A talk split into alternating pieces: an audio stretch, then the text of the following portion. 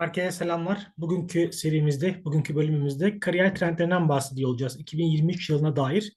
Bu trendler halihazırda zaten varlar ama yeni yılla birlikte artık çok daha normal ve popüler hale gelecekler. Bu trendlerin ilki yatay kariyer konusu. Şimdi yatay kariyer konusu şöyle arkadaşlar. Evet yine az önce belirttiğimiz üzere halihazırda böyle bir imkan var. Böyle bir ritüel giderek yükseliyor. Ama 2023 yılından itibaren bu çok daha merkezi bir imkan haline gelecek. Peki yatay kariyerden kastımız ne? Biraz bu kavrama aşina olmayan arkadaşlar için özetleyecek olursak aslında halihazırda birden fazla kariyer imkanına sahip olmak diyebiliriz. Yani bir yandan akademide yer almak, işte bir yandan özel sektörde, bir yandan belki danışmanlık ya da girişimcilik boyutları aslında pek çok farklı boyutu bir kotada eritebilmek diyebiliriz. Peki buna niye ihtiyaç var? Yani böyle bir sistem niye artıyor? Çünkü şöyle bir şey var arkadaşlar. Şirketler artık bir personelden bütün gün faydalanmak yerine ondan saat bazlı faydalanmak istiyor. Proje bazlı faydalanmak istiyor ya da. Çünkü bir kişiye ömür boyu ihtiyaç duymuyorsunuz. Daha doğrusu yeni dönem yetkinlikleri bunu getiriyor. Artık insanların uzmanlığından belli periyotlarla yararlanmanız, faydalanmanız gerekiyor. E, öte yandan personel açısından bakarsak yine aynı boyut geçerli. Yani bir şirkete ömür boyu kendini adayıp daha az maaş almaktansa kendini sürekli olarak başka başka şirketlerde konumlandırıp proje bazlı ya da bölüm bazlı olarak, saat bazlı olarak daha fazla getiri elde etmek elbette bizim taraftan da yani personel tarafından da daha uygun bulunuyor. Ha tabii burada bir takım riskler ve ekstra getiriler var. Şimdi ekstra getiri şu, portföyün çok daha geniş oluyor. Ve yani bir gün bir şirkete gittiğin anda aslında elindeki o çok geniş şirket ya da işte kişi havuzu portföyüne bulunan seni daha fazla insana ulaştırabiliyor. Ama bu tarafta bezi olmayan çok fazla amiyane tabirle yani çok fazla insanla aksiyona geçmeye ilgilenmeyen arkadaşlar için yatay kariyer imkanı daha zor olabilir. Çünkü sürekli bir çaba içinde olmanız gerekecek. Sürekli bir müşteri kovalamak, sürekli böyle birilerini bulmak. E bu da ister istemez aslında herkese hitap etmeyebiliyor bazı durumlarda. Bunun da bir takım negatif unsurları bence yaşanacak. Yani işi daha iyi bilmesine rağmen belki insan ilişkileri o kadar iyi olmadığı için, insanları daha kolay ikna edemediği için zorlanan kişilerden de bahsediyor olacağız. Zaten bu aslında yeni çağda bizim sürekli vurguladığımız bir şey. Yani bilgiden daha önemlisi artık o bilgiyi pazarlayabilmek. Dolayısıyla eğer bir konuda uzmanlaşmak istiyorsanız ya da uzmansanız halihazırda en az bir bu kadar da bu konunun pazarlamasına kafa yormanız lazım ki bu yatay kariyer dünyasında fark yaratabilin. Ve bunun bence güzel bir yanı şu arkadaşlar. Halihazırda öğrenciyken ya da yeni mezunken aslında pek çok yerde kendinize iş imkanı oluşturabiliyorsunuz. Yani bugün mesela pek çok işte dijital dergiye bakın ya da yeni nesil böyle platformlara bakın. Onların YouTube programlarına vesaire. Aslında henüz öğrenciyken ya da yeni mezunken pek çok arkadaşın oralara girdiğini göreceksiniz. Yani bugün pek çok finans kuruluşunun ya da işte e, diğer sektörlerin işte kozmetik, spor endüstrisi, pek çok mecradaki, endüstrideki şirketlerin, kuruluşların vesaire YouTube, Spotify vesaire profillerine bakarsanız sunucu, yorumcu arkadaşların giderek daha fazla genç jenerasyondan seçildiğini göreceksiniz. Çünkü genç jenerasyonun gelecekçi bakış açısı bu dünyadaki trendleri görmesi ve diğer imkanlar bizleri yani içinde bulunduğumuz bu genç jenerasyonu daha ön plana çıkartıyor. Bu da aslında yine öte yandan bu kategorideki e, yer alan ama ya ben işte daha öğrenciyim ya da yeni mezunum, uzmanlığım yok, nasıl fark yaratırım bilmiyorum diğer arkadaşlar için de aslında bir ilham kaynağı bence oluyor öte yandan. Bir başka önemli yetkinlik hikaye anlatıcılığı.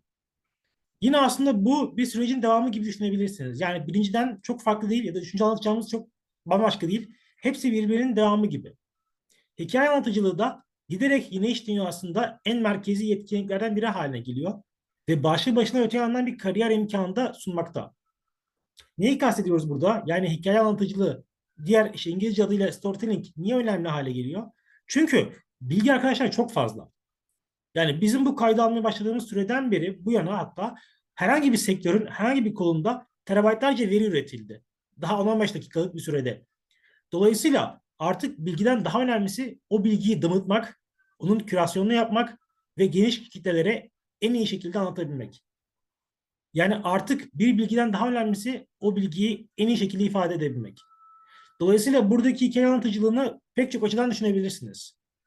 Yani bugün bir içerik yazarken de hikaye anlatıcılığı önemli. O yazıyı en iyi şekilde kurgulayabilmek önemli. Öte yandan video bir şey anlatırken de mesela şu an benim yaptığımda da yine çok değerli bir başlık. Eğer bunu elde edebiliyorsam, sunabiliyorsam Öte yandan podcastler de yine herkesten çok değerli. Dolayısıyla artık ne yapıyorsanız yapın, hangi mecrada yer alıyorsanız alın, hikaye anlatıcılığı sizin olmazsa olmazlarınızdan biri olmak zorunda ki karşı tarafa bir şeyler için ikna edebilin. Bugün aslında bütün algoritmaların da kafa yorduğu konu bu. Hikaye anlatıcılığı. LinkedIn bakıyor mesela bu kişi ne anlatıyor burada ve nasıl anlatıyor bunu. Eğer sizin hikaye anlatıcılığınız iyiyse LinkedIn'de bir anda çok daha fazla insanın çevresine, ana sayfasına çıkabiliyorsunuz.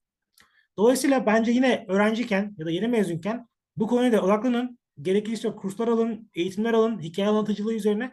Ama mutlaka kendinize mezun olduğunuzda ya da mezuniyetten bir iki sene sonra bu yetkinliğe sahibim diyebilin. Naçizane bu konudaki önerim arkadaşlar. 2023 kariyer trendleri arasındaki son başlık ise marka gazeteciliği. Şimdi çok kısa da buna da değinelim. Yine bu da aslında bizim 2017-18'lerden beri kafa yorduğumuz bir konu. Ve sürekli bununla ilgili paylaşım yapıyoruz. Ama daha erkendi yani zamanı gelmemişti. Artık zamanı geldi arkadaşlar. Artık devir marka gazeteciliği devri. Peki nedir bu marka gazeteciliği?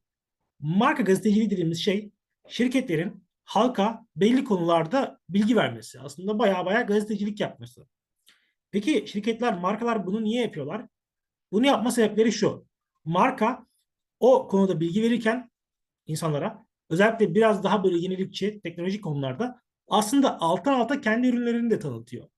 Mesela diyor ki elektrikli arabaların geleceği buraya evrilecek. İşte elektrikli arabalarla ilgili şu şu mekanizmalar ortaya çıkacak ve geleceğin elektrikli araba dünyasında şu problemler çıkabilirken şu imkanlar doğabilir. Bayağı size böyle bilgiyi veriyor mesela bir yazıda. Altta da diyor ki bizim geliştirdiğimiz batarya sistemleri işte şu şu imkanlara sahiptir gibi. Dolayısıyla özellikle bu konuları kafa yoran, bu konuları araştıran, daha vizyoner belki işte e, bir düşünce sahibi, fikir sahibi insanları kendilerine elde ediyorlar. Bunu özellikle daha böyle jenerik olmaya çalışan markalarda görebilirsiniz. O piyasada tekel olmak isteyen, geleceğin dünyasını şimdiden kurmak isteyen markalar bu konuya hakikaten çok fazla kafa yoruyorlar ve yatırım yapıyorlar.